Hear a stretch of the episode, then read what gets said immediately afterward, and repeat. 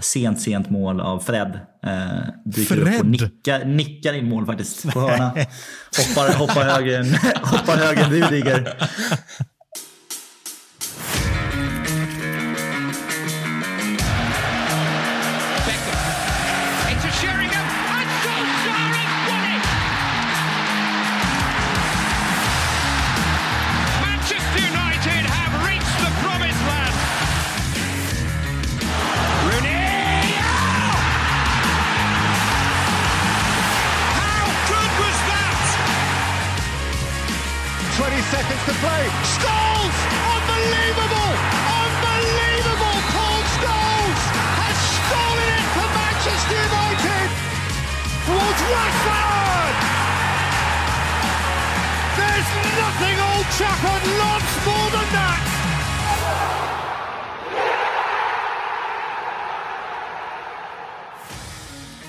Ni ska känna er varmt välkomna till ännu ett avsnitt av United-podden. Podcasten som du inte visste att du längtade efter. United-podden görs i ett stolt samarbete med både den officiella supporterklubben MUS och United-redaktionen på Svenska fans. United är, tro det eller ej, tillbaka på vinnarspåret och United-podden släpper givetvis ett nytt avsnitt för nionde veckan i följd. Jag heter Adam Fröberg och med mig i värmen denna vecka har jag återigen vår tappre Berbatov-älskare Marcus Eriksson. Är läget bra? Det är, eh, det är bra. Det känns ovant att sitta här efter en vinst, men eh, det är ju det är ju en härlig känsla det också. Kan vi ens minnas när det skedde senast på riktigt? När, när var senaste vinsten innan dessa? Ja, när, när var det? Tottenham? Ja, Tottenham. Ja, det, det var ett eh, bra tag sedan. Har det skett något skojigt i ditt liv sen senast? Du, det har faktiskt varit eh, ganska händelsefattigt här eh, hos mig faktiskt. Det har varit jobb och eh, regn och grått och kallt. Så eh, det värmde med en seger igår, det får man säga. Ja, muntra Mackan släpper vi taget där. Vi har ju faktiskt dessutom äntligen äran att ha med oss Gustav Kulle igen efter två veckor på vift. Hur känns det att vara tillbaka igen? Ja, men det känns lite nervöst, lite ringrostigt. Jag, har lyssnat här och känner att det är, det är tuff konkurrens nu när Jalkemo har, har steppat in också och Micke går från, eh, från klarhet till klarhet. Så jag känner att jag får, jag får leverera här idag. Berömmer du mycket? Vad händer? Ja, faktiskt för, första gången. Första gången. Ja, jag tycker han har, faktiskt, han har ju börjat från en otroligt låg nivå, men han har ju, han har ju faktiskt blivit lite bättre här, så man, ska, man, ska, man får ge honom lite credit. Han är Otroligt låg nivå, det vill jag ändå understryka. uppe på godkänt nu menar du? Ja, nästan. Ja. nästan. Härligt. Ja. Du, jag har faktiskt eh, plockat ut ett litet ljudklipp här från ett tidigare avsnitt som du var med i där vi diskuterade Solskärs framtid i klubben. Jag tänker att vi ska lyssna på det nu.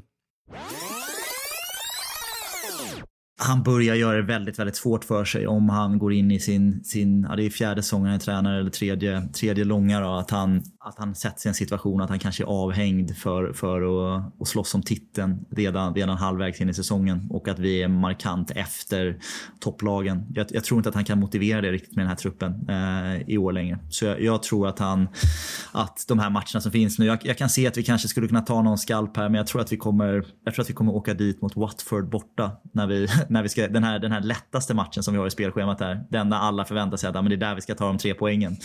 Där, där kommer, vi, kommer vi inte ta poängen och kommer, eh, det kommer göra hans, hans situation svår. Nå, Mackan, hur mycket cred tycker du att vi kan ge Gustav för detta? Jo, det, det, var en, det var en skarp analys får man ändå ge honom. Det, det såg man väl inte komma där. Jag vet inte hur länge sedan, fem veckor sedan nu. Så, eh, ja, jag är imponerad. Jag är imponerad. Eh, det var ändå, alltså ett Watford, liksom, det ska inte hända, men det såg han. Det såg han, så det, det ska han ha cred för.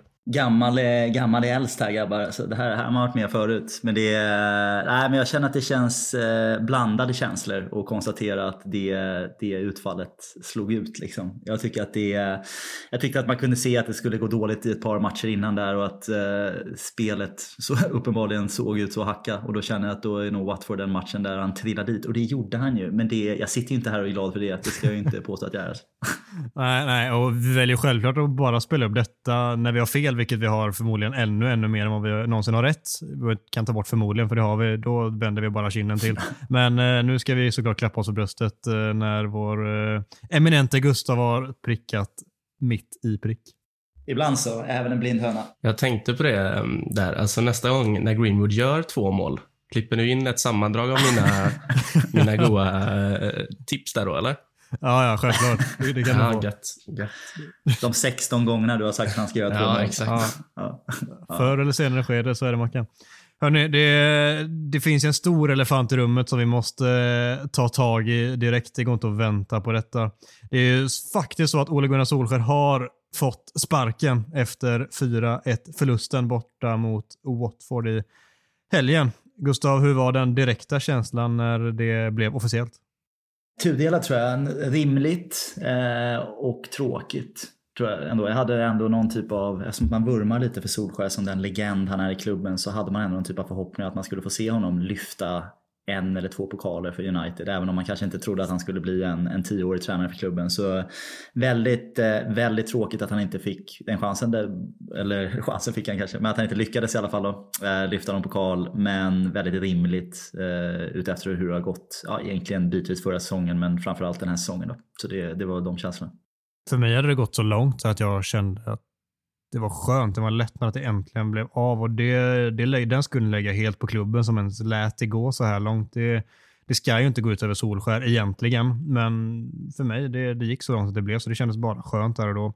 Sen eh, när vi såg den intervjun och man ser klippet när han, eh, ja, han kan ju knappt hantera tanken och känslan av, eh, av situationen och att han ska stötta laget som han berättar och så är han så nära tårar. Det, det tog faktiskt. Det var, det var fint.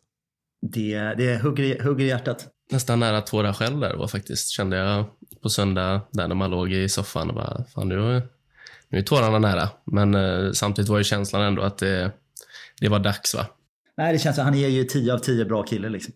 Solskär, det får man ju ge honom. Alltså, det går ju inte att klandra hans personlighet för fem år. Ända från start till slut så är han ju en riktig liksom, gentleman och klubb, klubbikon i sitt beteende. Ja, och det tycker jag märks också. Alltså, det har ju varit otroligt många meddelanden på sociala medier från men i princip samtliga spelare som har tackat honom och önskat honom lycka till. Och det märks ju att även om vi har sett att spelare inte riktigt tror på hans eh, kanske tränaregenskaper nu i slutändan så alla har ju en otrolig respekt för honom som människa och person och det tycker jag kanske är det yttersta beviset på vilken fin människa Ole Gunnar Solskjaer är. Så det var, det var fint att se tyckte jag.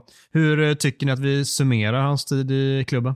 Oj, svår fråga. Jag bollar över den till, eh, till Gustav här. Så får han inleda sin comeback i podden med, med det, tycker jag. Ja, men snyggt. Tack, tack för den Mackan.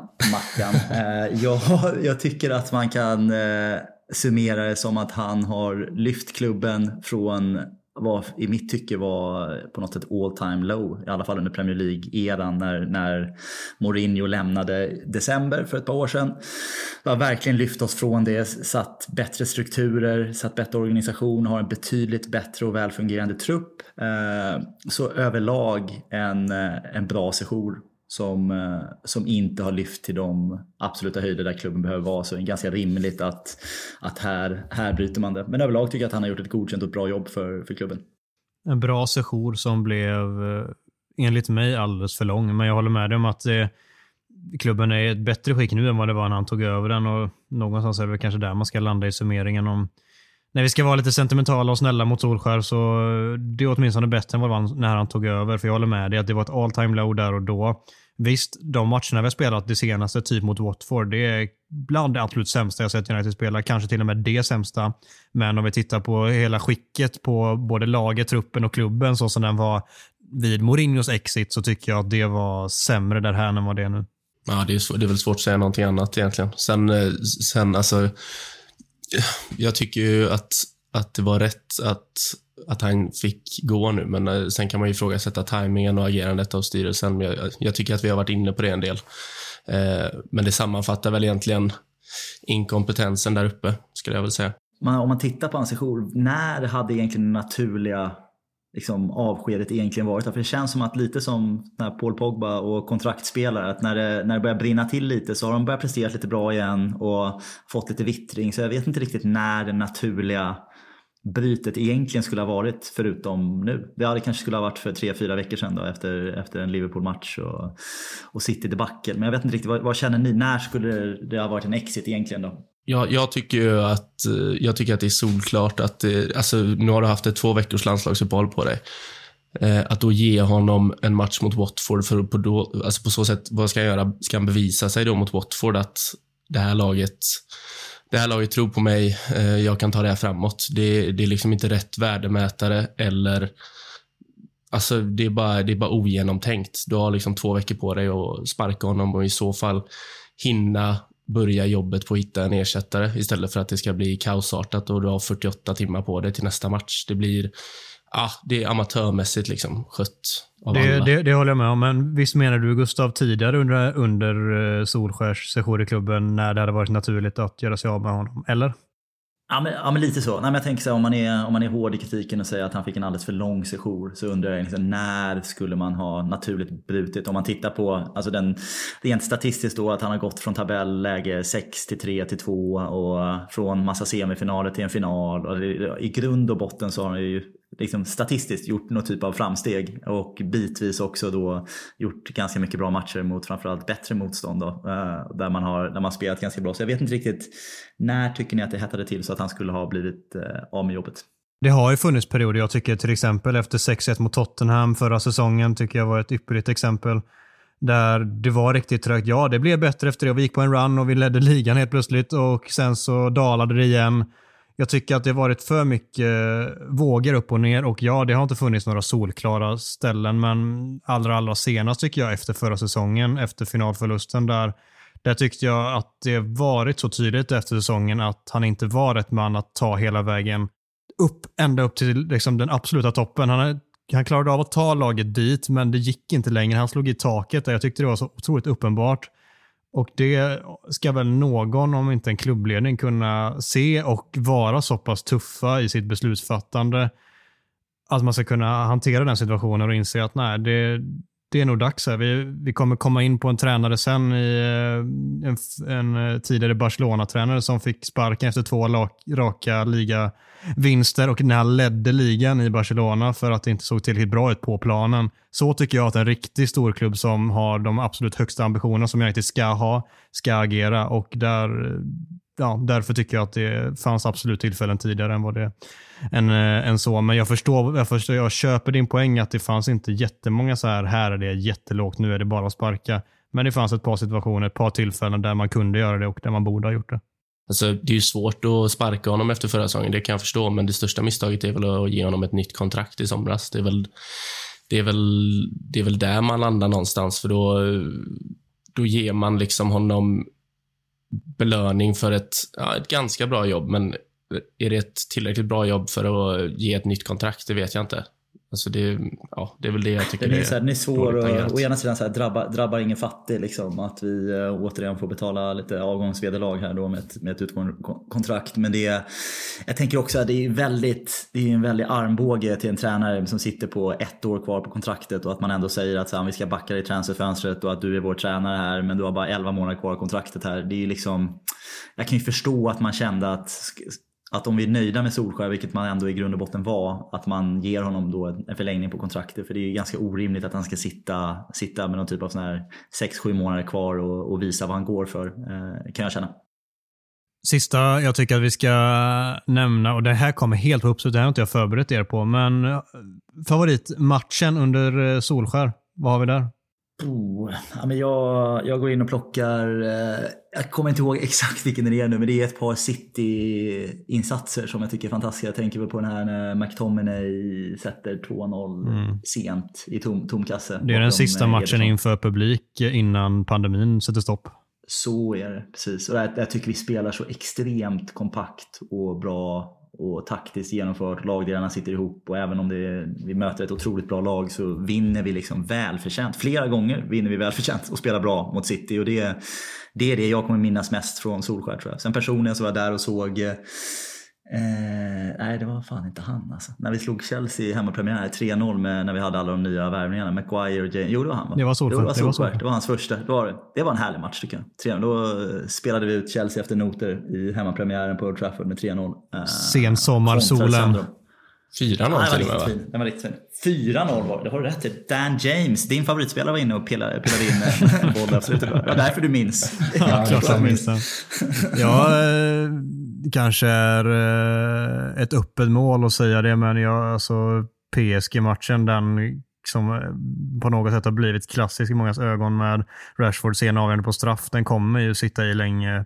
Och även om det inte resulterar i någon titel så så mycket känslor som det innebar där och då ett, efter eh, ett mörker med Mourinho och han kommer in och vi har den sviten och vi kommer in och gör den matchen mot PSG bortaplan efter att ha torskat hemma med 2-0 och får det avgörandet. Det, det är någonting jag sent kommer glömma, så jag väljer den matchen i slutändan. Även om inte det var någon perfekt insats överlag så var resultatet och känslostormen däromkring definitivt det. Nu är jag ju sist här igen och bara för att jag inte ska, ska hålla med er nu. För först tänkte jag, ja men City innan, innan corona slog till där och så tänkte jag, nej okej, okay, då kör vi PSG. Nej, då kör vi inte den heller. Så då landar jag i eh, sista omgången där mot Leicester när vi säkrar eh, Champions League-platsen. Eh, Lingard snor bollen av Schmeichel här på övertid och sätter in 2-0. Det var härligt. Ja, det då, då, mm. alltså, då var det mest, åh fy fan vad skönt, ingen Europa League i höst. Det var väl det man fastnade vid. Insatsen var väl inte felfri, men eh, känslan men efter var en bra insats var det. Ja, jag, jag köper det. Det var, det var en lättnad framförallt med den 2-0-segern, men jag tycker också så här, även om man där och då satt på nålar och var pissnervös, så var det ändå rätt bra insats också i slutändan som just då kändes som att det kan bana väg för någonting större. Mm. Mm.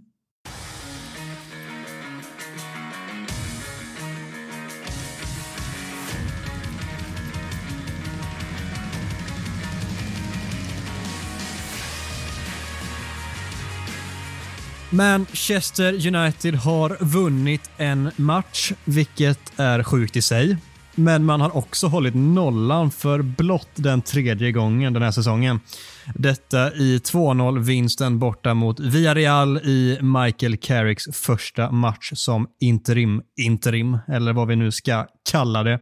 Gustav, vad tar du främst med dig från den här tillställningen?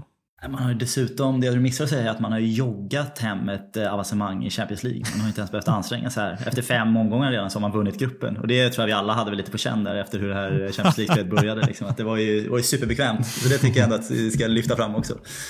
Eh, matchen i sig då var väl, eh, det var ju kanske ingen i grund och botten fantastisk insats på något sätt. Jag var nog egentligen känner att vi fick lite gratis för att Villarreal inte hade sin, sin bästa match. Men en taktiskt väl genomförd match där det kändes som att man hade en ordentlig matchplan hur man ville genomföra det här. Man låg defensivt och tryckte i positionerna i ungefär en timme. Och när man kände sig att man var varm i kläderna och trygga i positionerna så tryckte man in lite mer offensiva pjäser och lyckades faktiskt få, få två måls utdelning på det. Och så det såg väldigt bekvämt ut på något sätt. En, en 2-0 seger. Kanske inte helt, eh, helt liksom planenligt men, eh, men en, en, en habil insats som jag tycker ändå är, vi kan vara lite stolta över i det här läget där vi är just nu. Jag skulle vilja dela in insatsen i, eh, jag håller med dig mycket, det ska sägas, eh, men jag skulle vilja dela in insatsen i tre tredjedelar, tre 30 minuters sjok där första 30 är lite, inte skakigt, men vi får inte riktigt till det. Men det syns tydligt vad vi vill göra i försvaret. Det här 4-4-2, lågt och kompakt och att vi inte men det är väldigt mycket fokus på det och det är det som premieras offensivt så får det bli lite som det blir. Känns det som där. Och sen så tycker jag vi spelar upp oss i den andra 30 minutaren och spelar okej. Okay. Men sen sista 30 när framförallt Bruno och Rashford kommer in får vi riktigt bra grepp på matchen och vi spelar bra den 30 minutaren. Det, det går inte att säga någonting annat och vi spelar så bra den 30 minuten att det, att det är rättvist att vi vinner. Marcus, vi satt och kollade på matchen ihop igår och satt och svor åt Villarreal för vi tycker de spelar så tråkig fotboll. Ja, ah, fy. Ja, jag drog ju jag drog jämförelsen till, eh, hur det såg ut under van Gaal i United. Jag tycker att det är slående likt. Alltså. Det är som att de... Alltså, jag, jag köper att man vill ha mycket boll och Eh, att det har blivit någon sån hype kring det sen Barcelonas tiki-taka, men de, de gör ju ingenting med bollen. Liksom. Det var som att de inte ville skapa chanser i år. Så eh, det var ju en bekväm match för United. Eh, jag vet inte om ni håller med där, men ja, otroligt tråkig fotboll spelar de. ja, jag tycker det är tråkigt. Alltså, emellanåt sätter de in bollen och kommer till jättebra ytor och skapar ett par målchanser. Det går inte att säga någonting annat. Men över, överlag så är det bara mycket rulla boll, har inom laget för att ja, det är svårt för United att göra mål då, men det, det är tråkigt att titta på alltså. Och United är inte de som i dagsläget, särskilt med en ny tränare efter allt som varit, kommer inte dit och bara köra, särskilt när man har ett resultat att spela på också. Så det, det var rätt tråkigt periodvis i matchen. Ja. Småsömnigt faktiskt. Vi slänger in eh, klassiken, veckans macka här, där du ska få betygsätta spelarna och äntligen får du göra det efter en vinst. Du ska prata med oss om den näst bästa, den bästa och den spelaren som måste höja sig. Vilken ände vill du börja idag? Jag vet inte. Det känns ovant att jag är lite, att jag ska få berömma spelare. Jag vet inte riktigt hur jag ska hantera det här riktigt. Men eh, vi kan väl börja med eh, näst bästa. Och då går jag rätt på det. Det är vår landsman där bak, Victor Lindelöf. Jag tycker att han gör en, eh, en ruskigt stabil insats där bak. Eh, framförallt alltså jätte, jättebra i duellspelet. Jag, jag, kan inte, jag kan inte minnas att han går bort sig och förlorar någon duell under i stort sett hela matchen. Eh, sen lugn och sansad i passningsspelet och samspelet med Maguire såg ändå bättre ut än vad det har gjort under ja, egentligen hela säsongen. Så det är ett rejält kliv i rätt riktning tycker jag. Jag såg statistik på det. Han vann fem av fem tacklingar, hade tror jag 94 procent i passningsprocent och, och bakar man in det ihop med hur det faktiskt såg ut på planen eh, och inte bara titta på det statistiska så eh, väldigt bra insats av Lindelöf. Det, verkligen. Sen ska vi ju säga då att Villarreal hotar inte jättemycket, men eh, han ska ändå berömmas för sin insats tycker jag befriande att se honom eh, prestera på den här nivån igen. Det var, det var länge sedan. Jag har länge sågat honom här nu ganska, ganska frekvent här i United-tröjan. Troligtvis senaste halvåret, året egentligen. Så det var härligt att se att han fortfarande har det i sig. Eh, och jag vet inte om det är en ny interim, interim-tränareffekten. Men eh, var vad det än är så får, han, får vi hoppas att han fortsätter på det här sättet. Det, det, får vi göra. Det kanske, jag har varit inne på länge att La Liga eller Serie A är två ligor som hade passat honom ännu bättre än Premier League. Kanske var detta ett, ett av de yttersta bevisen på det också. Så kan det ha varit. Så kan det, det, varit. Du, det du indirekt säger där är att han inte är tillräckligt bra för Premier League. För det är ju temp tempot och svårighetsgraden som försvarare är högre i Premier League. Så det är ju, men det kan ligga något i det. det Världens det. bästa liga, Premier League. Ja, Marcus, nummer ett. Det är, väl, det är väl svårt att inte säga Jadon Sancho här. Jag tycker att det är, att det är alltså, helt felaktigt att säga att han inte var bäst. Han var Uniteds överlägset bästa spelare och det, det, var han i 90 minuter. Det är väl, det är väl de Geas första halvlek som, som egentligen kan mäta sig på, med, med Sanchos insats igår. Jag tycker att han är, ja, första, innan Bruno och Rashford kommer in, är han väl den enda som egentligen vill ha bollen och där det faktiskt händer någonting när han får bollen. Eh, så ja, hans absolut bästa insats i United-tröjan och så fick han kröna det med ett otroligt mål. Eh, så det var, det var kul att se honom. Nu kommer han eh, nu kommer han explodera, det är jag säker på. Han var skönt det måste varit för honom. Och vi satt ju bara och log för vi kände att äntligen kom det där förlösande målet som kommer eh, göra att det kommer komma så många fler poäng från han nu. Och jag tycker att han, det kändes som att han hade fått självförtroende efter insatsen mot Watford där hans eh, andra halvlek där var eh, inspirerande tillsammans med Donny van de Beek i den matchen. Det var de enda egentligen som når upp till någon form av eh, bra betyg. Och så kommer han in med det och tar med sig. Det är inte så att han är felfri första halvlek på något sätt. Han missar någon eh, dribbling här och var, men han försöker hela tiden och det är som du säger, så fort han får bollen, det är då det händer någonting. Inte kring någon annan spelare. Och sen i andra halvlek när han får lite fler lekkamrater, framförallt när han länkar samman med Bruno flertalet gånger, då eh, ser det stundtals riktigt, riktigt intressant ut. Mm. Jag tycker också att han har, eh, han har egenskaper som ingen annan av våra yttrar har. Han är, alltså han är så mycket smartare än både Greenwood, Rashford, Martial, Lingard. Det finns så mycket mer fotboll i honom än, eh, än i många av de andra. Framförallt spelförståelse och ja, med passningsfot och allting. Så eh, det ska, bli, det ska bli kul att se honom nu, för nu kommer han, eh, nu kommer han levla upp här. Det är jag 100% säker på. Så det blir kul. Ja, vi hoppas ju på det. Det känns eh, som att det här är väl i särklass hans bästa match i United-tröjan, tycker jag. Och det är väl precis som du säger så känns det verkligen som att han tillför någonting helt annat än våra, våra andra yttrar. Så, yttrar. så om man tittar på den ytteruppsättning vi har så tycker jag att vi har ju en riktigt, riktigt intressant trupp. Eh, uh, så om vi kan hitta en tränare, eller tillfället en interimtränare då, som kan få ut lite mer av den här truppen så uh, riktigt intressant att se om det blir åka av nu då. Ja, Marcus, vi ska tydligen avsluta med något lite tråkigare. Vilken spelare måste höja sig mest? Alltså det tar, det tar emot att säga det här, men eh, det är ju Anthony Martial som, eh, som tyvärr behöver göra det. Jag, eh, jag hoppades, jag hade, jag hade sån god känsla inför matchen igår att han, nu, nu, nu är det lite show på vänsterkanten här, men det, det blev det inte. Så han var ju, han var ju Uniteds sämsta spelare. Fick egentligen inte någonting att fungera. Vilket, vilket smärtar, men ja, det, alltså, det går inte att säga någon annan. Han var, han var rent ut sagt dålig igår. Eh, och om han, alltså ska han få någon chans nu framöver så, så behöver han egentligen höja alla delar i sitt spel. För han, det finns ju så mycket fotboll i honom. Han, han måste bara få ut det oftare.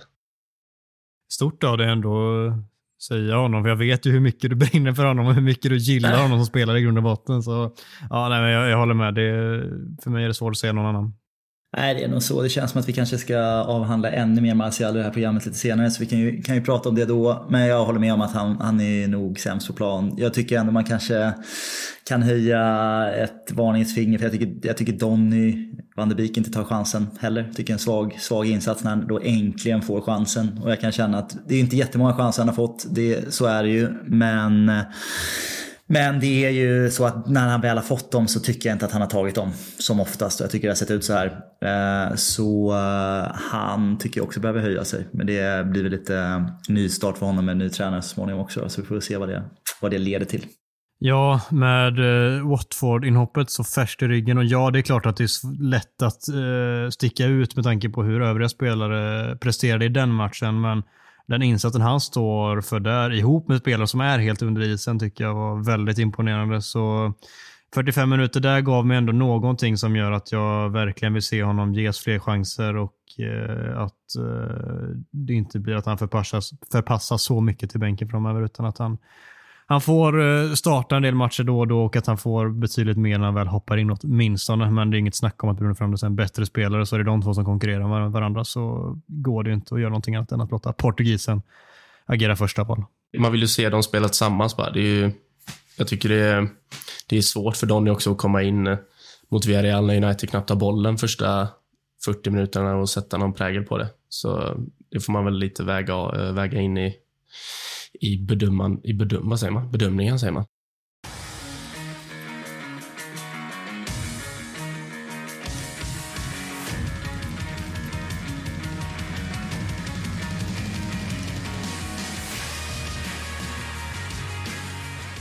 Där göd vår jingel och det betyder att vi ska kasta oss in i Talk of the Town.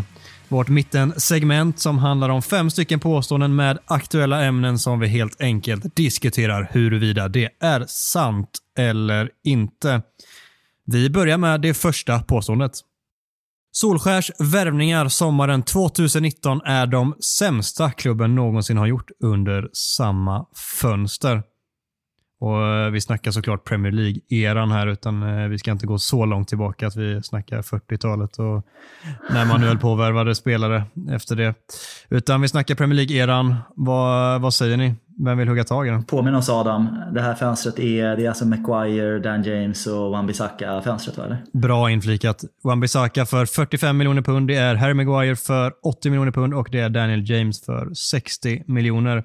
Ja, Dan James är inte 60 miljoner va? Jag måste bara, Sa måste jag bara 60? Fasen. Härligt. Ja, jag känner att han var... Han är värd 60 egentligen, men det var 16 jag skulle säga. Kolossalt dåligt fönster om vi betalar 60 för Dan. Det är jag beredd att hålla med om. 60 miljoner yen är han värd i så fall menar du? ja, jag menar såklart 16, men 60 låter lite krispigare. Ja, det är bra. Ja, nej men det, det jag skulle komma är att det är klart att det, det är lätt att man alltid drar allting så otroligt långt åt någon spets när en spelare är dålig. Typ som Maguire just nu som har varit eh, katastrofal. Wan-Bissaka har fått en hel del kritik också. Men det tåls ändå att lyftas tycker jag, för det är dyra övergångssummor för spelare som inte i dagsläget kan klassas tillhöra den absolut högsta nivån. Och med tanke på priset de kostade så kan man tycka att de i alla fall borde vara lite närmre.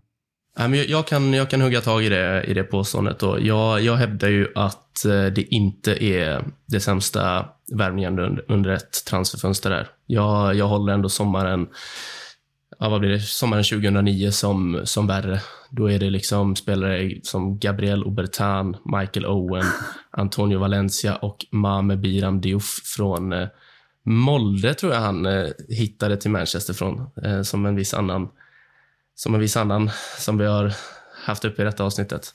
Eh, de kostade såklart inte lika mycket, men det, det är ganska dåliga fotbollsspelare. Liksom. Så eh, Michael Owen gjorde, gjorde 4-3 mot City och det, det var vi alla glada över.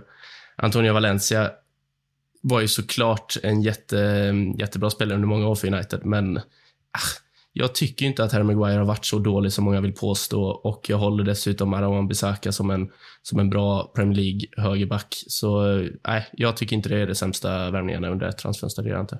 Ja, jag, jag försöker fundera på frågeställningen. Jag håller med om det är transferfönster eller spelare. Jag, jag tycker, jag kan hålla med Mackan i ganska mycket här i analysen av spelare till spelare. Dan James är, är billig så jag tycker att han, han behöver inte skämmas allt för mycket för sina prestationer. Och jag tycker faktiskt att han, han gör ett par ganska bra insatser för oss i, som, som en kontringsspelare i ett par matcher. Så jag tycker inte att vi behöver skämmas för det så mycket. Wan Bissaka är ju, börjar kännas dyr om man tittar på hur han presterar just nu. Men jag tyckte ganska länge att han har varit väldigt bra och ett, ett stort lyft på högerbacken. Eh, så jag tycker inte att vi behöver skämmas allt för mycket för den värvningen. Det, var, det fyllde ett hål där vi, som vi verkligen hade innan. Eh, Maguire är ju, om vi säger, tycker att Wan-Bissaka är dyr så är ju Maguire väldigt, väldigt dyr. Eh, och det har vi diskuterat eh, till eh, vägs ände att han inte var eller är världens bästa back och ska vara världens dyraste back. Men ändå så tror jag att en viktig, en väldigt, väldigt viktig nyckelpjäs i den här resan som vi pratar om att Solskjaer har gjort med den här truppen. Så jag tror i grund och botten att alla de tre spelarna kulturellt, inhemskt, engelskt har, har hjälpt den här resan eh, i, i, till den truppen där vi är idag. Så jag, jag tycker inte att det är eh, ett så svagt transferfönster eller spelarna för sig som man har köpt. Där, om jag ska titta tillbaka så tycker jag att kanske lite närmare i tiden än 2009, även om det är ett väldigt svagt fönster, så har ju Louis van Gaal, eh, eller van Gaal här 2014-fönstret när han kommer in och rejdar hela, hela VM där. Eh, det är liksom, man köper Ro Rojo, är liksom, ska in Romero, ska in Daily Blind, ska in Falcao, Angel Di Maria. Jag vet inte riktigt vilka som kom på sommaren och vilka som kom lite senare. Bastian Schweinsteiger. Det är så mycket spelare där som inte gjorde någonting för den här klubben. Så där tycker jag att vi gör fler dåliga, dåliga värvningar. Större namn också. Eh, mm. Schweinsteiger var, ju, Schweinsteiger var sommaren efteråt där, men vi kan räkna upp det för jag tog fram det precis. Det är Di Maria, det är Luke Shaw, det är Herrera, Marcos Rojo, Daley Blind och eh, Radamel Falcao. Ja, men Herrera och Shaw kommer väl undan med godkänt där, eller med, med beröm godkänt bitvis. Men de andra två är ju, eller de andra tre, fyra där är ju riktigt svaga tycker jag. Så jag tycker ja, att det är svagare ja, Daley Blind får du inte bärsa så hårt, det, det sätter ner foten. Åh, oh, jag gillar honom. Ah, Ja, det gör man i och för sig. Men fel eh, passade inte riktigt vad vi... Ja, det passade bara våra första sex matcher där när jag tänkte att vi skulle spela någon sån här tre, tre, trebackslinje med ytterbackar som han sen släppte väldigt snabbt och då passade det inte alls. Ja. Men det, jag gillar också Daily Blind. Ja. Visst är det så. Jag, jag kommer landa i samma slutsats som er, att det är inte det sämsta, men det är... Alltså utfallet här och nu är ju, det, det är ju inte bra så som det ser ut här och nu. Sen tror jag att när vi tittar tillbaka på det om något år så kommer det det har rättat till sig lite grann och hade vi pratat om det liksom efter förra säsongen så hade vi inte alls varit i de här tankebanorna heller. Jag vill lyfta upp eh, ett par andra fönster. Vi har ju typ sommaren 2013 där vi bara värvar Fellaini. Ganska svagt får man ju säga. Sen har jag vi... älskar Fellaini. Det, ska jag, det, ja, det kan vi prata om en annan gång. Jag älskar Fellaini. det är kanske snarare icke-värvningarna som gör att man eh, frustreras över det fönstret. Och sen har ja, vi ju även eh, ganska nyligen. Det är eh, väl Mourinhos sista säsong när vi plockar in Fred för typ 50 miljoner pund och så är det Diogo Dalot för 18-ish, 19 någonstans där och så är det Lee Grant på typ free transfer från Stoke. Det, det är dem. Det är ju ganska svagt fönster också måste vi säga. Och Mourinho hävdar att han inte blev backad. Ja, Skämt. hallå eller? ja, precis. Vad menar han? Hallå eller? Ja. Ja, vi, vi alla tycker inte att det var det sämsta, men eh, det är ju långt från det bästa också kan vi väl tillägga. ja, men så är det. Nästa påstående. Att anställa Maurizio Pochettino nu vore det bästa för United. Det bästa för United hade varit om vi hade anställt Pochettino 2019 när, när Solskär hade, hade tagit oss vidare i Champions League och inte hade fått sitt långa kontrakten och Pochettino fortfarande var ledig. Det hade varit det allra bästa. Men eh, i, eh, i den värld vi är just nu så tycker jag ju fortfarande att det hade varit en drömtränare. Alltså, få Pochettino på alla sätt. Han har ju visat förmågan av, av att bygga lag eh, och jobba med stora stjärnor. Han kan Premier League, han kan Champions League. Han känns modern i sitt sätt att spela fotboll. Jag tycker inte att han passar i något PSG-projekt. Jag tror att han vill till en klubb som United. Han verkar ha mycket stolthet, klubbkänsla etc. Vilket återigen får mig att känna att han inte ska vara långsiktig i PSG. Så jag tycker att han på alla sätt är, eh, hade varit en toppen, eh, toppen värvning som, som manager för United framöver. Helt ärligt, Pochettino har varit min drömtränare i United. eh, Är minst tre år? Fall- ja, någonstans där. Så jag kan inte säga någonting annat. Ja, det vore det bästa för United, för jag håller honom så otroligt högt. Och Det finns de som pratar om att han vinner inga titlar. Nej, men han har vunnit en cuptitel i Frankrike nu, så nu kan vi släppa det. så. Nej, men eh, ärligt talat så eh, jag lägger inte så mycket vikt med det. Det finns flera som hävdar att han borde ha vunnit en titel med det Tottenham som han hade där och då. Det var ett Tottenham han helt själv hade tagit dit från absolut ingenstans. Från avgrunden till att spela en Champions League-final. Och visst, han var nära på att vinna ligan det året som Leicester vann. Fick inte riktigt till det där. Det går att ifrågasätta om han hade allt, alla nycklar i sin verktygslåda för att lösa det. Kanske inte där och då. Helt ärligt, jag tror att han med tiden och rutinen har eh, kommer lösa det i en klubb där han får ännu mer backning. Alltså han, han gick plus i nettospendering i Tottenham. Han eh, fick ingenting att jobba med på transfermarknaden. Tänk det i ett Manchester United och han får tid att jobba med truppen på ett helt annat sätt än man får i PSG där det bara är nu, nu, nu som gäller med en rad bara stjärnor och egon som absolut inte passar Pochettino på det sättet.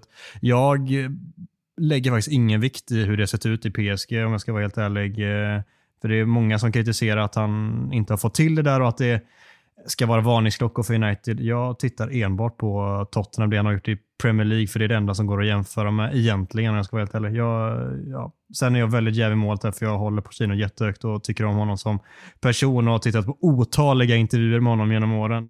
Nej, men det håller vi med om. Men nu kommer alla motargumenten. Håll i er där hemma. Kör Mackan. Oj, vad chockad jag blir nu när jag sätter mig och sågar honom. nej, nej jag, jag kan ju inte säga emot. Liksom. Det, det, alltså jag, jag har ju velat ha Ten Hag från Ajax. Det har väl varit min favorit eh, de, senaste månaderna. Så. Men eh, ah, nej, jag, alltså jag gillar ju också Pochettino jättemycket och det här titelsnacket är jag lite trött på. Folk verkar glömma att han har varit i Tottenham. Liksom. Det är inte en klubb som har prenumererat på titlar de senaste eh, seklet. Så ehm, det, nej, det, det hade varit det absolut bästa.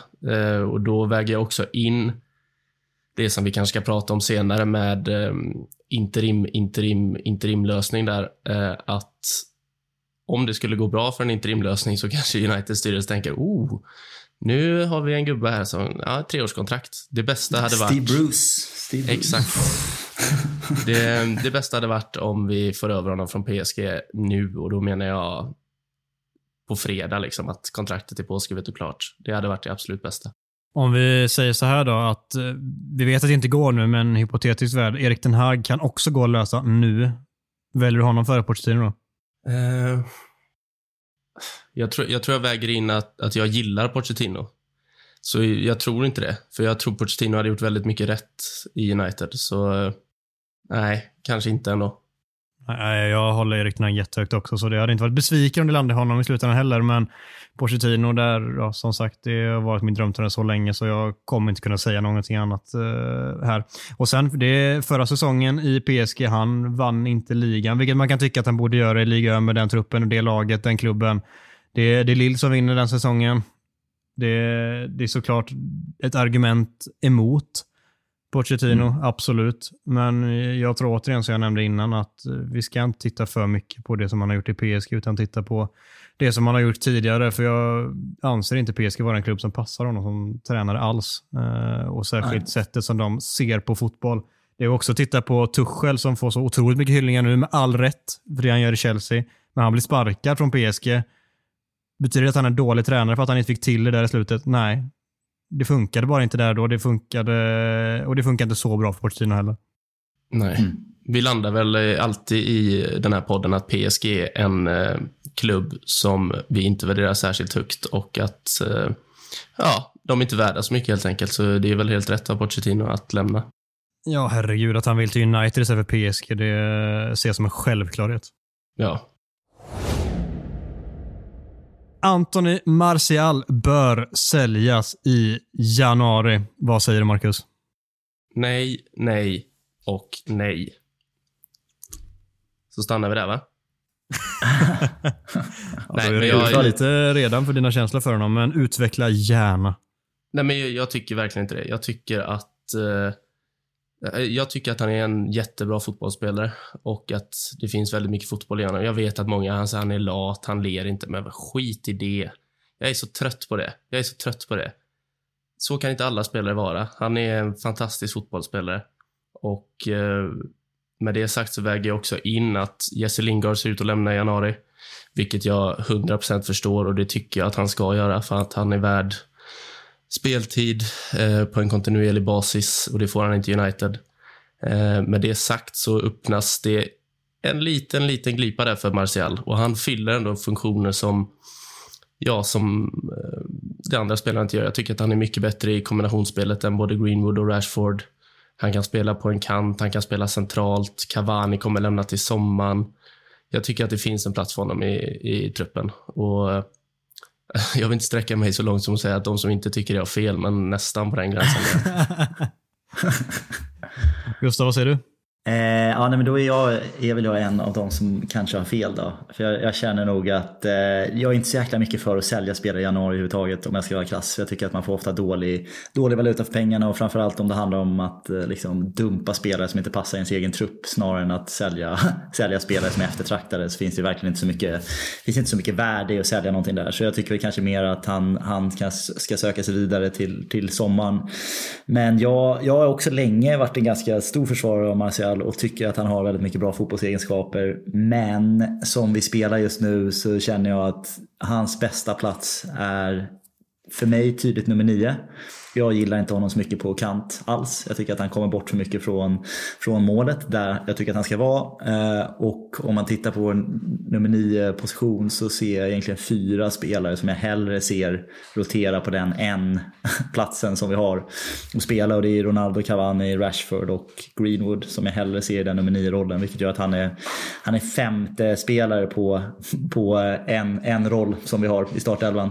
Eh, vilket gör att jag tror att hans tid börjar bli lite förbi. Jag tycker inte han är tillräckligt bra allround eller tillräckligt bra defensivt för att spela på kanten. Jag tycker absolut inte att han ska vara i en 10-roll, en Fernandes-roll eller en Donny-roll om man vill kalla det det, eller Pogba-roll som han också har ibland. Så jag tycker inte att han, jag tycker att han ska vara en utstuderad nia och där finns det inte plats. Så jag tycker att han ska söka sig vidare. Ytterligare en sak som jag är trött på kring kritiken mot Martial är att han är dålig defensivt. Eh, för Marcus Rashford är han springer kanske mer, men han är den sämsta försvarsspelaren United någonsin har haft.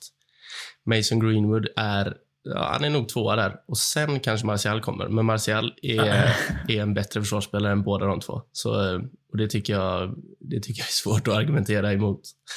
Jag ville bara flika in det. det det, ja, det köper jag, faktiskt. Jag håller med om det. Håller med om det. Men de är sämre, han, är, han är sämre anfallsmässigt än de två alternativen han har, tycker jag. Ja, det kan, det, det kan jag hålla med ja, det, är bra, jag, det är bra till försvar. Ja, det, du ska försvara honom inte döden. Jag kan tänka mig att, du, att anledningen till att du gillar honom så mycket också är att han har det här arroganta sättet som din favoritspelare Dimitar Berbatov var också. Jag, jag kan tänka mig att det, det, finns som en delförklaring till att du håller eh, Martial så pass nära hjärtat som du gör. Ja, absolut. Alltså, det är väl det närmaste Berbatov eh vi kommer i United. Um, så, men som sagt, jag tycker att mycket av kritiken mot honom uh, är för att han är lat uh, eller ser ointresserad ut. Och vad har det med hans fotbollsegenskaper att göra? Jag har aldrig förstått det. Nej, inte uh, Det var ju lite samma när Bebato var i United också. Det är nu i efterhand folk har fattat att oh, han var en otrolig fotbollsspelare. Jo, jo. Det fattade jag 2005. Så um, det, jag tycker att sådana spelare uppskattas för lite av den stora massan och det är som jag, som jag krigar för Martial och det kommer jag göra hela hans karriär. Var ska han in då, bara så att jag förstår Mackan? Vart, vart ska han in? Han ska in på vänster yttern eller? Jag säger, jag säger inte att han ska ta en eh, ordinarie plats. Jag säger bara att jag tycker att han har...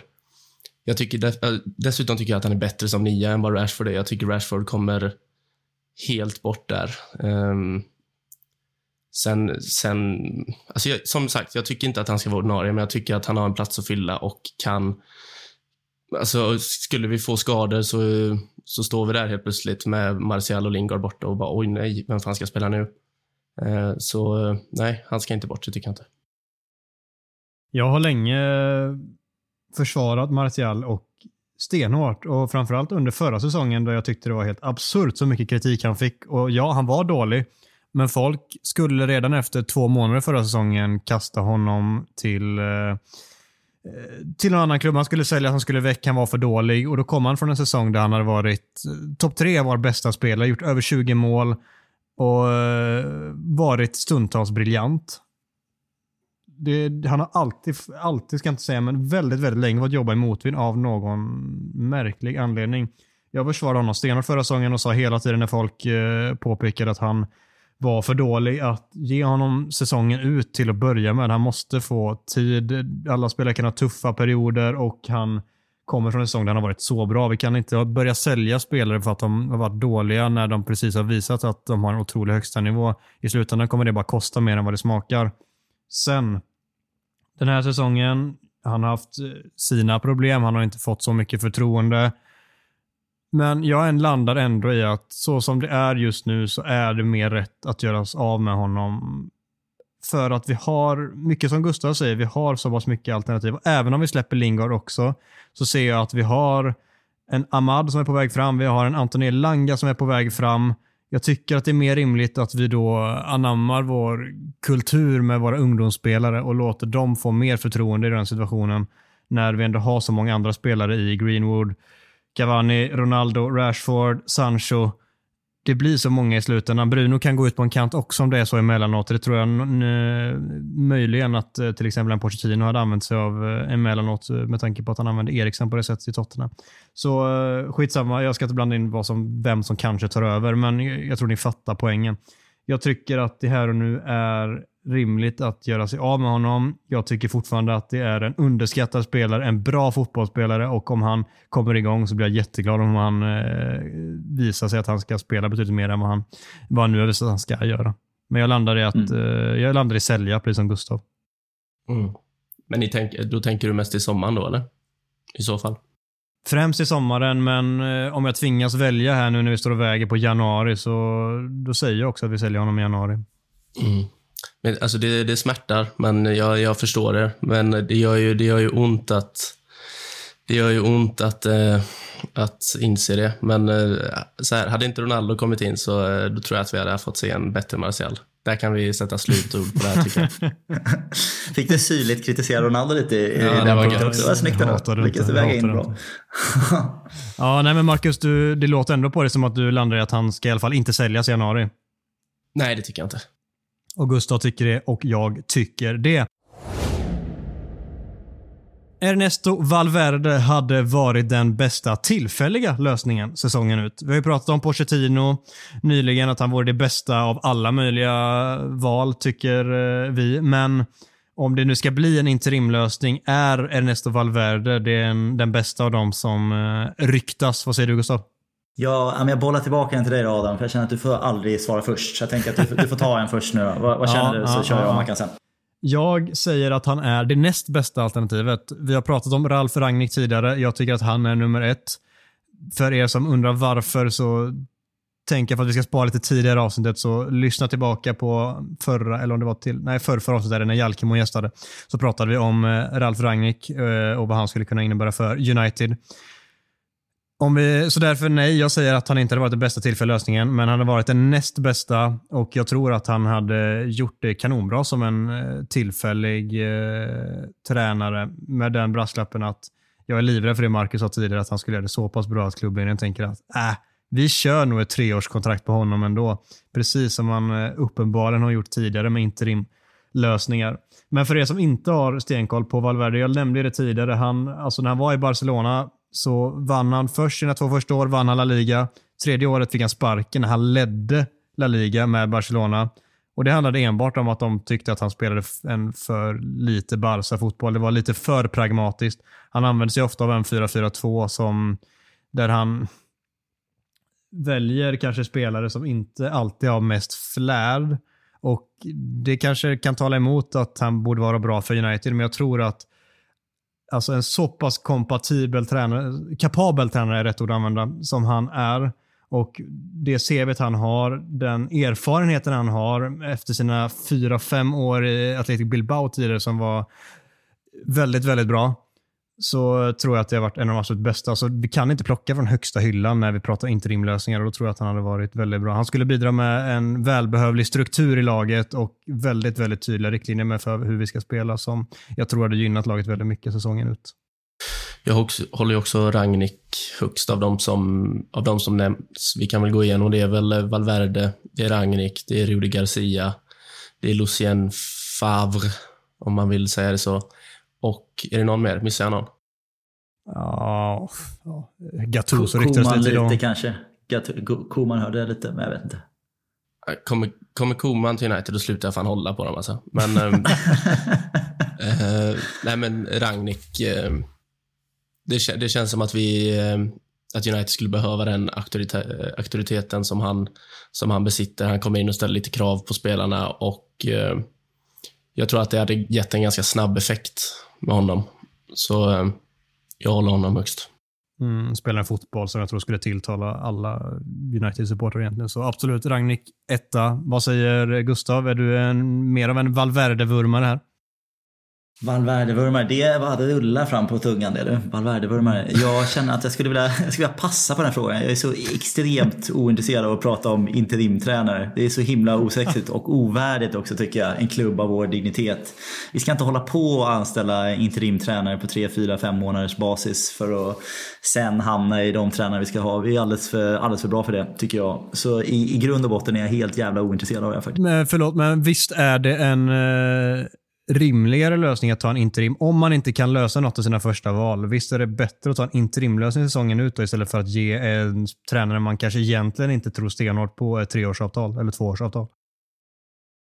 Ja, det blir ytterligheterna där. Liksom. Jag säger inte att man behöver sitta kvar med Solskjaer i två och ett halvt år till. Men jag tycker att han... Alltså, nej, jag tycker i grund och botten att stora... Nej, men jag, Nej, men jag förstår vad du menar. Men jag tycker att på något sätt så eh, klubbar av vår dignitet byter tränare efter säsongerna i grund och botten. Eh, jag tycker att sparka tränare mitt i, mitt i säsongerna är för, i grund och botten för mindre klubbar. Liksom. Men med det, med det sagt så hade jag, min preferens är väl lite liknande som er. Att det som jag ser med Ragnik är väl ett, alltså kanske att han skulle kunna vara en långsiktig lösning i klubben i någon typ av sport, sports director-roll. Liksom Eh, senare som tydligen kör för Lokomotiv Moskva nu. Va? Så jag tänker att han har ju det fotbollskunnande upp, uppenbarligen så har han ju byggt hela liksom, fotbollsstrukturen i, i Red Bull-klubben Leipzig. Så han har ju den kompetensen. Så kanske att det hade kunnat vara intressant av den, den aspekten att få in honom då som interimlösning och sen att han flyttar in i, i klubbens övriga struktur på något sätt. Men eh, annars tycker jag faktiskt att det är jäkligt hugget som stucket. Jag tycker att det är, Rudi Garcia tycker jag är ganska spännande. Jag tyckte han gjorde, gjorde det bra i Lyon. Uh, fin Champions League-prestationer också.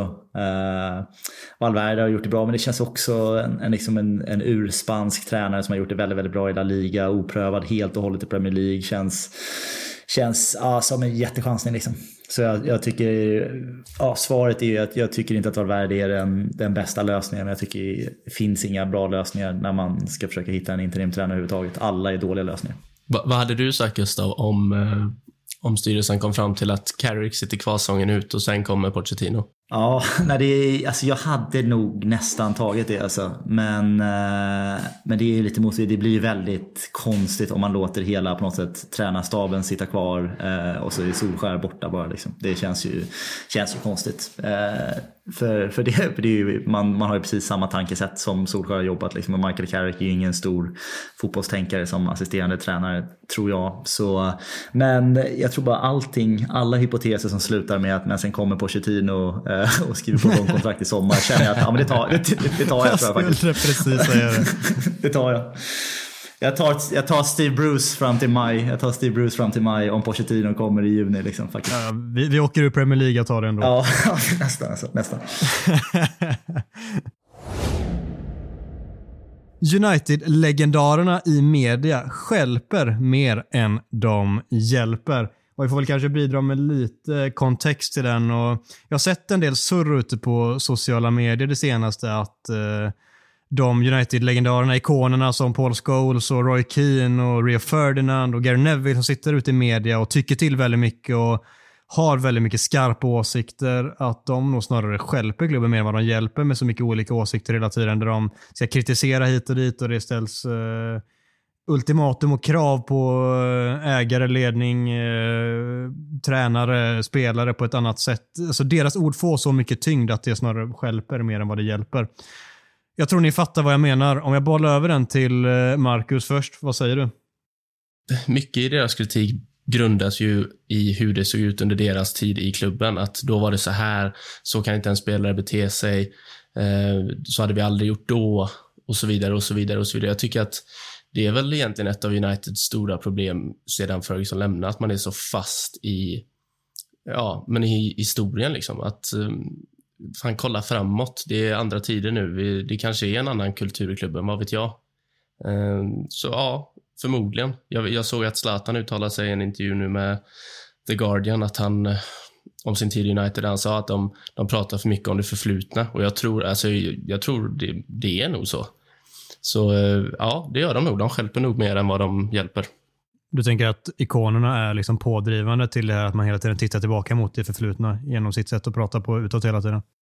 Alltså kanske inte pådrivande, men de, alltså, de målar ju upp en bild av United som hur det var då. Liksom. De, de är väl inte på träningsanläggningen varje vecka. De vet inte hur det ser ut. Sen kan jag fatta det, att de har ju en poäng i det de säger. Alltså, det saknas väl en vinnarmentalitet i, i klubben just nu som, som fanns där när de var där. Så jag, jag fattar ju hur de ser på det, men så är det liksom inte nu. Så ja, jag landar nog i det i alla fall.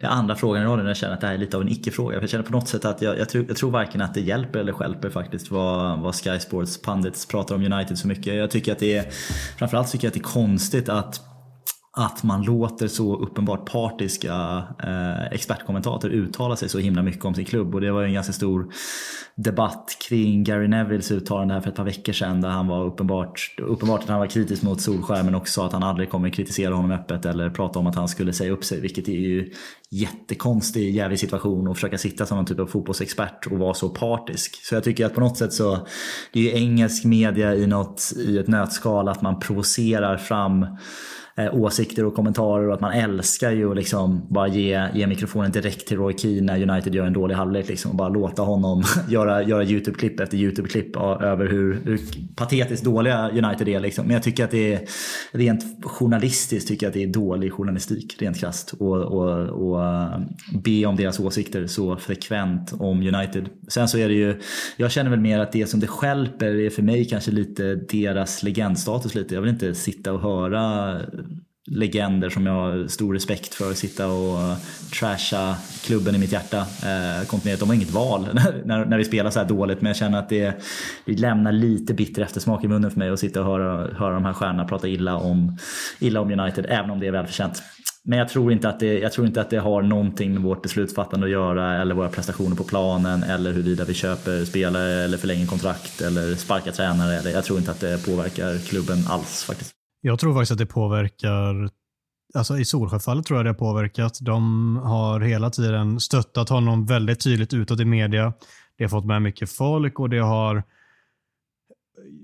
Så som vår klubbledning fungerar så skulle inte det förvåna mig om de tar in det alldeles för mycket vad den här typen av eh, personer tycker istället för att lita på den kompetensen de har inom klubben som de inte borde lita på. Men ni fattar vad jag menar.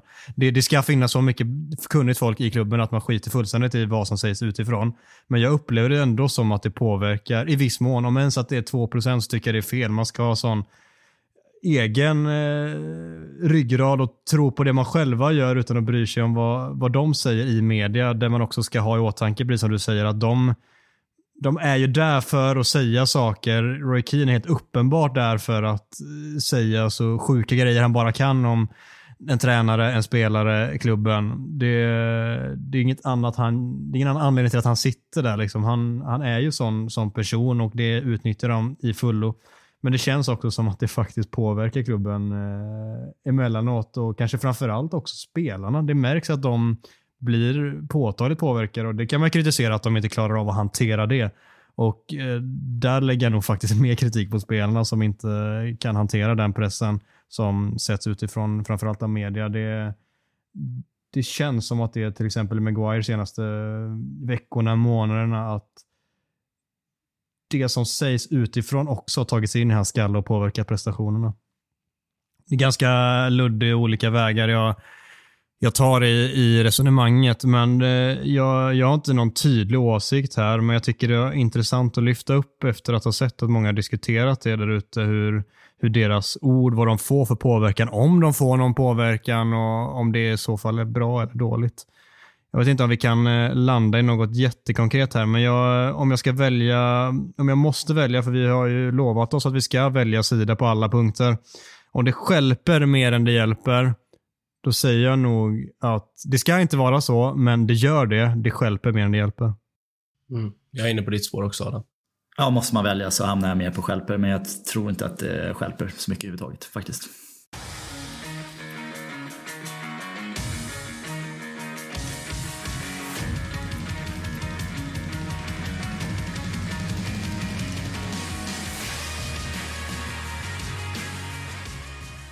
Klockan 17.30 på söndag ska Carricks obesegrade United resa till Stamford Bridge för att ta sig an ett formtoppat Chelsea. Hur mycket ser du fram emot den här matchen, Gustav? Eh, ja, inte, inte jättemycket känner jag. Det, jag känner...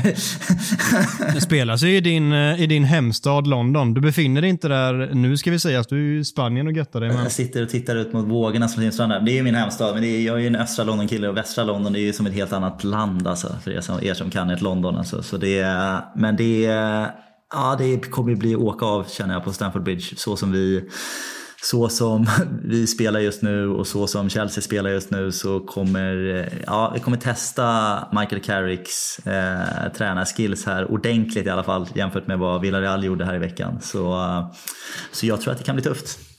Ja, det är mm, en obehaglig match att ställas inför här och det är bara att önska gubbarna lycka till och hoppas att man kan, att man kan liksom slipa till lite fler grejer från insatsen mot Villarreal som gör att vi kan eh, frambringa en jämn match som vi i slutändan kanske kan vinna på någon fast situation. För så bra som Chelsea är just nu så eh, det krävs en jätteinsats.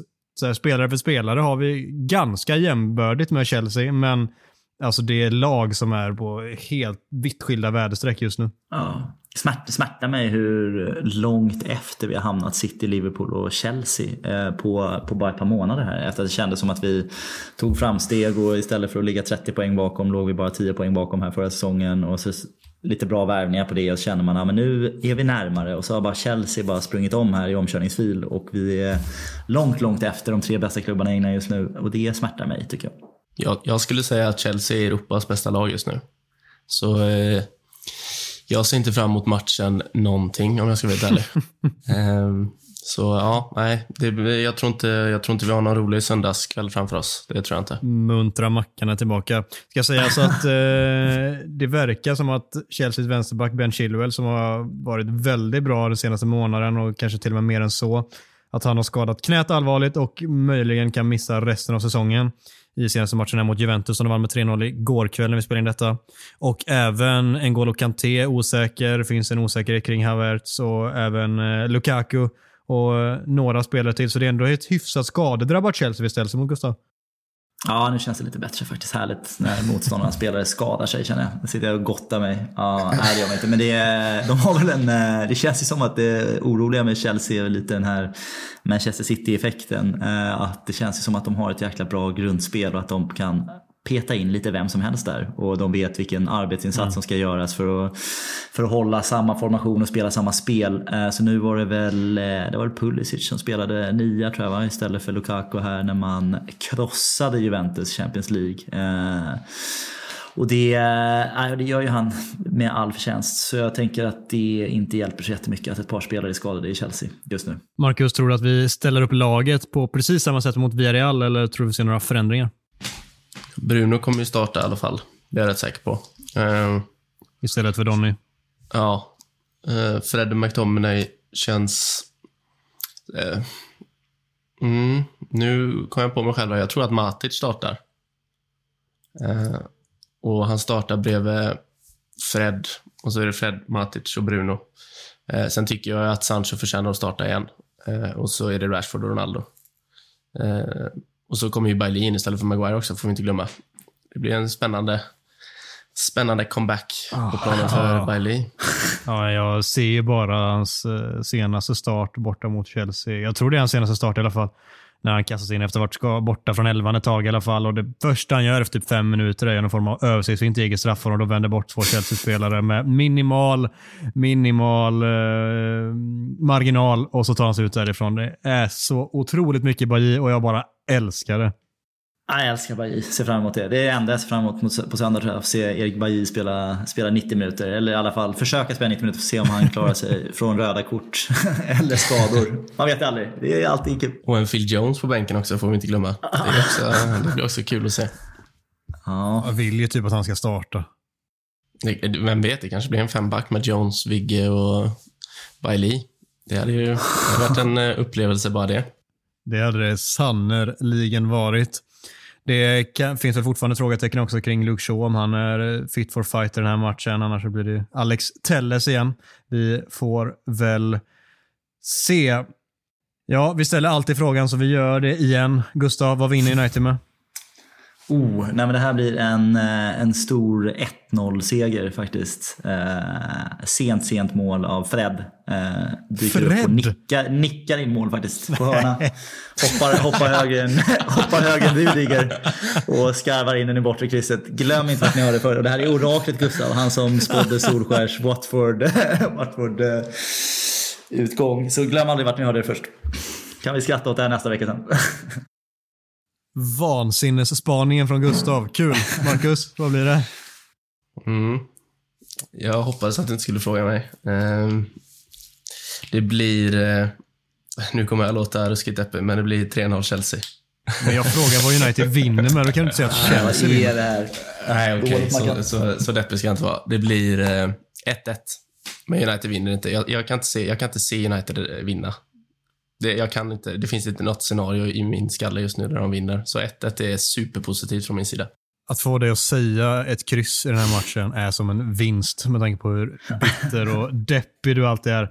Ja. Självklart vinner vi matchen. Det blir 2-1 dock. Inte någon 1-0 och eh, Rashford gör båda målen för han är så fantastiskt fin. Mason Greenwood brukar vi fråga hur många mål han gör, eh, Marcus. Det går inte att göra nu med tanke på att han är sjuk i covid. Han eh, beräknas inte vara tillbaka till den här matchen. Det är väl tio dagar han ska vara borta och det har inte gått ännu som jag har förstått det. Kanske helt plötsligt så visar det sig att det har gått tio dagar, men vad vi vet nu i alla fall så är han fortfarande borta från matchen. Annars är han tillbaka mot Arsenal nästa torsdag och pangar in två. Det är ju skrivet i stjärnorna. Solklart. Helt mm. solklart. Hörni, tusen tack för att ni var med idag. Och till er som har lyssnat så uppmanar vi er som vanligt att fortsätta skicka in eh, frågor och påståenden som vi kan använda oss av i avsnitten. Det uppskattas enormt mycket. Ni får jättegärna kika in oss på sociala medier där vi heter United-podden. Och vår mejladress får ni också självklart skicka ett eh, meddelande till som heter Unitedpodden official at gmail.com. Med det sagt klappar vi igen butiken för den här veckan med vår mysiga utgångsjingel.